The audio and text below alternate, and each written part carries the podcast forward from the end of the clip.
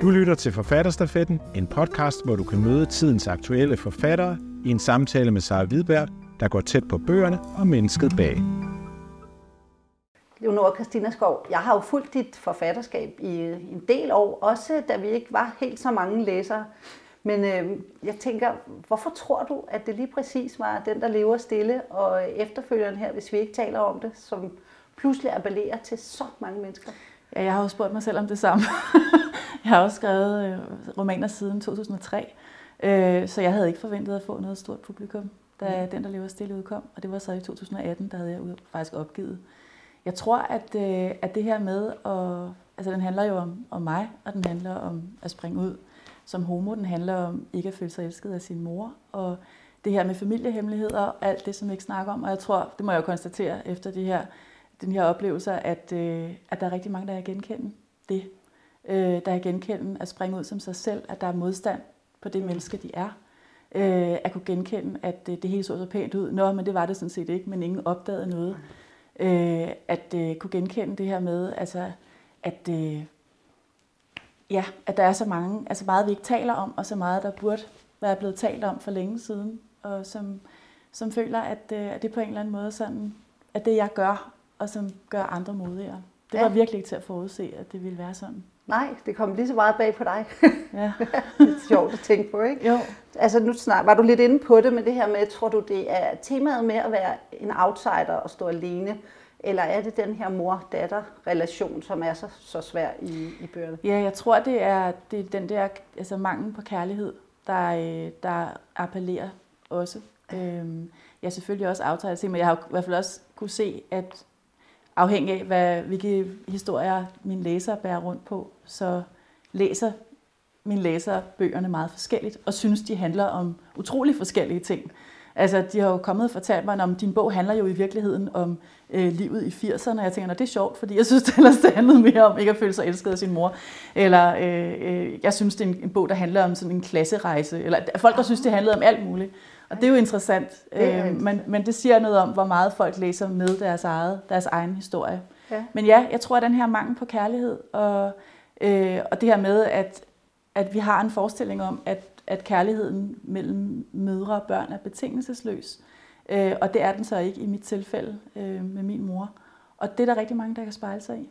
Ja, utroligt desværre. nok. Ja, det er faktisk lidt desværre. Ja. Den nye øh, bog, den handler jo om, øh, meget om din øh, rejse ind i at blive forfatter. Ja. Øh, har du oplevet den samme identifikation med den historie, som du gjorde den første? Nej, ikke i forhold til, til det der sådan dybe øh, altså mor, mor-tema. Nej, det har jeg ikke. Der har det mere været den der vrede, øh, som, øh, altså hvor folk går ind og taler om, om al den modstand, de selv har været ude for, øh, da de blev voksne og mm. skulle, skulle sætte sig et mærke i verden øh, der har, altså, der har været genklang. Men ikke på samme måde som, som det der børnestof. Jeg tror ikke, der er noget, der, der, ligesom, der appellerer på samme måde som det. Sådan urstof, men der er jo Ja, på en eller anden måde, men det andet er sådan mere det der, dem der er interesseret i MeToo, dem der er interesseret i øh, ja, sådan med, altså kvinder og kvinders stilling og, og sådan noget, de spejler sig jo meget i det nye stof. Ja.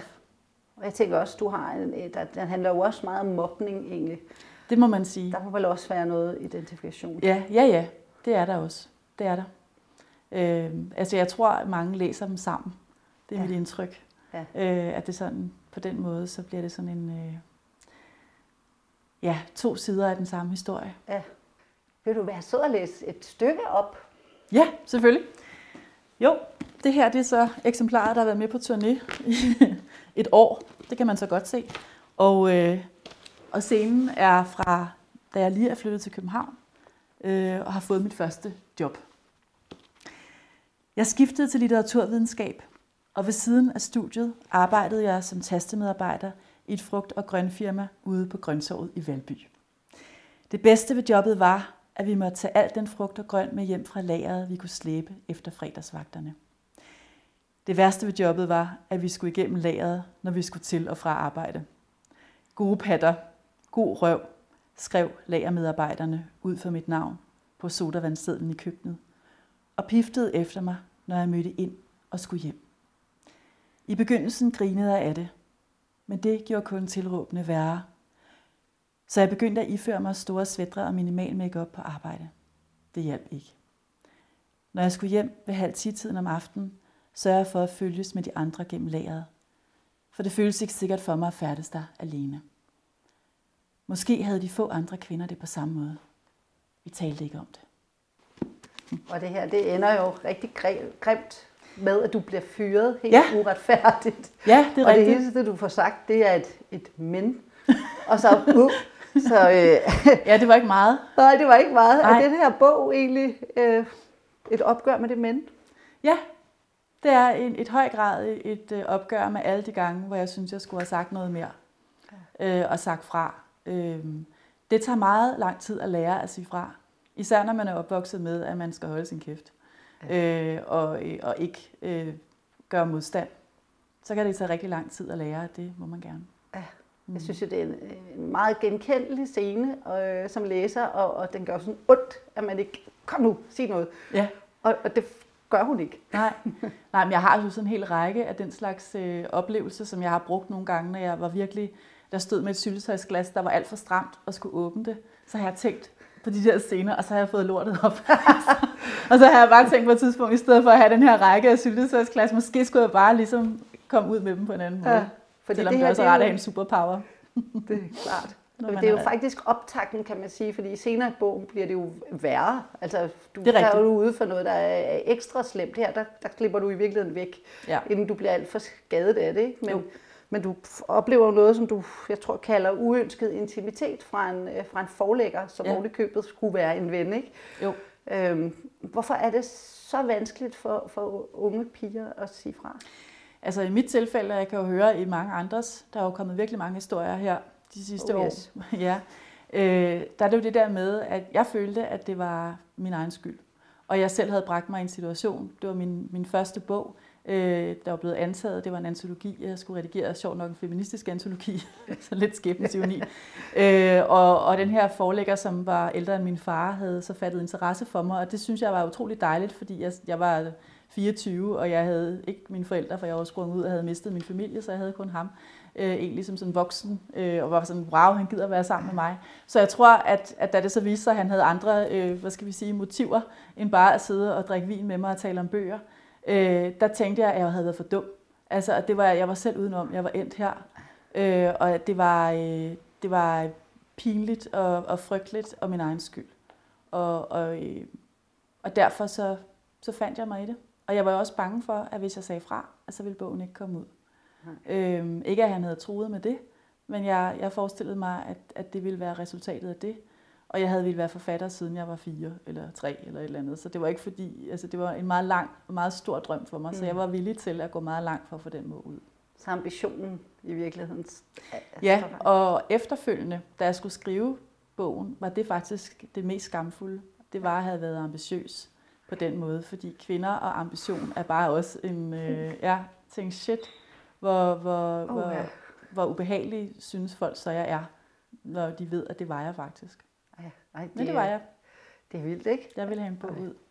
Altså i nullerne, der var du jo også en hardcore feministisk debattør. Mm. Og, og, og i virkeligheden meget af det, du, du stod for, også for sådan nogle kvinder som mig, det var jo sådan en no bullshit-attitude. Så Ja. derfor er det jo også, wow, har du været udsat for det her? Ja. At det, det er det, der også er ved den her bog, ikke? At man, Ja, det, er- det er det. Altså det, der er jo noget, der, der slet ikke hænger sammen i forhold til de ting, jeg skrev, blandt andet i den selv samme bog, der blev udgivet. Der var et meget, hard, meget hårdt slående forord i den bog, hvor jeg jo også sidder og skriver om alt muligt med, at man skal finde et sprog for sin undertrykkelse. Det er også rigtigt. Jeg havde så ikke noget sprog for min egen øh, på det tidspunkt, men, men altså, det, hænger, det hang ikke særlig godt sammen, kan Nej. man sige. Øh, det samme kan man jo dybest set sige om, om hele den der no bullshit, og så hvordan jeg har haft det i øh, mine venskaber med, med folk, der var tæt på mig, hvor jeg var enormt bange for, at folk altså, forsvandt, at de ikke ville mig, fordi jeg har den, den baggrund, jeg har, hvor mine venner jo var min familie. Så, så øhm, der er mange steder, man kan sige, der er noget her, som, hvor den offentlige profil og virkeligheden ikke, ikke hænger sammen. men bliver du ikke også en stærkere rollemodel ved at lægge det frem? Det ved jeg ikke. det må vist være, øh, være andre, øh, må andre ligesom vurdere. Er Jeg kan jo bare sige, at det er jo det er sådan, det forholder sig Ja. for mig. Og, øh, og jeg synes også, må jeg sige, at efter den første bog, havde jeg et, et behov for at korrigere historien, fordi jeg synes, det blev meget... Øh, ja, det var meget positivt billede, der der blev tegnet. Det er også meget let, når man skriver bøger om sig selv, at tegne et meget positivt billede. det er meget ærgerligt at være den, der sidder med, med det negative. Så øhm, jeg synes, det var vigtigt at få nogle andre sider med. Så derfor var den her bog faktisk nødvendig for nuancere det? For mig var det nødvendigt at skrive den. Ja. Det var også nødvendigt af den grund, at jeg synes, at nu havde jeg, efter den, der lever stille, var jeg ude og tale i to år. Øh, jeg var ude, jeg havde holdt 150 foredrag på det tidspunkt, da jeg var færdig, og jeg følte egentlig, at det var som om stoffet var, var stivnet for mig i den der form, det havde. Jeg havde talt om det så mange gange, og det havde ligget derude, og det var blevet læst af så mange mennesker, og jeg havde det som om, at min historie var større end det. Og jeg, vil, altså jeg blev nødt til at, ligesom at finde et andet spor igennem det, synes mm. jeg, fordi ellers så var det bare som om, at min, min egen historie døde for mig. Ja. Jeg har hørt dig sige noget om, at, at det er lettere, når man, øh, at det er et sikrere rum at, gøre, at behandle de her emner i litteratur. Ja, inde i, i debat ja. er du da sindssygt. altså aldrig har jeg haft et, et bedre liv, end da jeg holdt op med at debattere. Nej. så det kan, det, altså vil jeg, jeg ville ønske, at jeg kunne sige, at jeg kunne anbefale det, men det kan jeg ikke. Nej. Altså det, det har entydigt været en dårlig ting for mig. Og det viser bogen jo også. Altså jeg tror, ja. du skriver et sted, jeg slog først igennem, da jeg var blevet hamret til tavshed. Præcis. Jeg havde en del år, hvor jeg, hvor jeg desværre ikke øh, kunne debattere, og hvor jeg tænkte, at det var, det var omkostningerne var for store for, for mine bøger, og det var fuldstændig korrekt. Ja. Da du var anmelder på Weekendavisen, der øh, skrev du tit anmeldelser om, om bøger og forfattere, som øh, mange af os ikke kendte mm. eller havde hørt om før. Ja. Øh, og jeg fik i hvert fald nogle, nogle gode øh, tips af dine anmeldelser. men, øh, men du stak jo lidt ud med en lidt anderledes litterær smag. Ja. Hvor, hvor kommer den fra, tror du? Altså, jeg er jo magisterkonferens i litteraturvidenskab, så jeg har jo studeret alle de her ting, og jeg har altid interesseret mig for litteratur, som var ude i marken, og som ikke var... Altså, hvis noget er meget mm. populært, så gider jeg ikke læse det. Det kan man så sige er lidt mærkeligt, når jeg selv har skrevet en bog, der er meget populær. Hvem fanden skulle også have vidst det? Altså, så så jeg, jeg tænkte, at min rolle der, frem for at sidde og skrive om de samme bøger, som, som resten af verden skrev om, så var det sjovere egentlig at, at hive noget ind, som ingen havde hørt om, og give mm. det en plads. Øh, det tænker jeg ligesom kunne være, kunne være mit bidrag til det her med at være litteraturanmelder.